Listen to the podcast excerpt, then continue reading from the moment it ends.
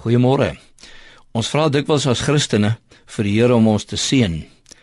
En daar is ook niks meer verkeerd om te bid dat die Here ons sal seën nie.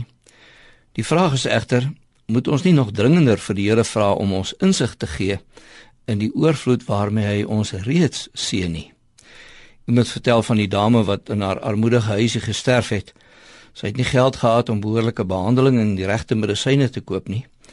Na haar dood vind hulle onder haar bed 'n trommeltjie met 'n klomp papiere in. Tussen die papiere was daar aandele sertifikate wat miljoene werd was. Hierdie dame was skatryk, maar sy het dit nooit besef nie.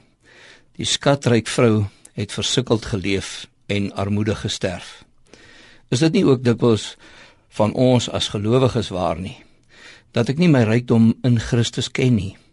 Daar is soveel dinge in hierdie lewe wat ons kan oortuig dat ons armoedig is en dat ek daarom aan myself as 'n kom ons sê 'n versukkelde mens dink.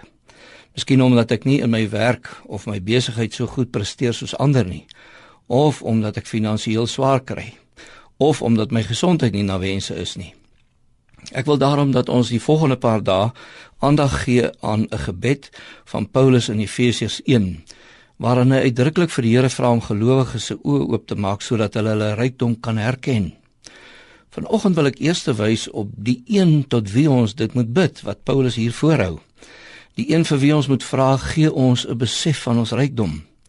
Want jy weet om regtig te verstaan watter rykdom aan ons geskenk is, is nie so eenvoudig nie. Paulus bid tot en ek haal aan die God van ons Here Jesus Christus. Hoekom noem hy Christus? Want hy is die een wat dit moontlik maak dat die Almagtige hom oor sondaar mense kan ontferm. Dit is die almagtige God, die God van ons Here Jesus Christus vir wie ek moet vra dat hy my oë sal open.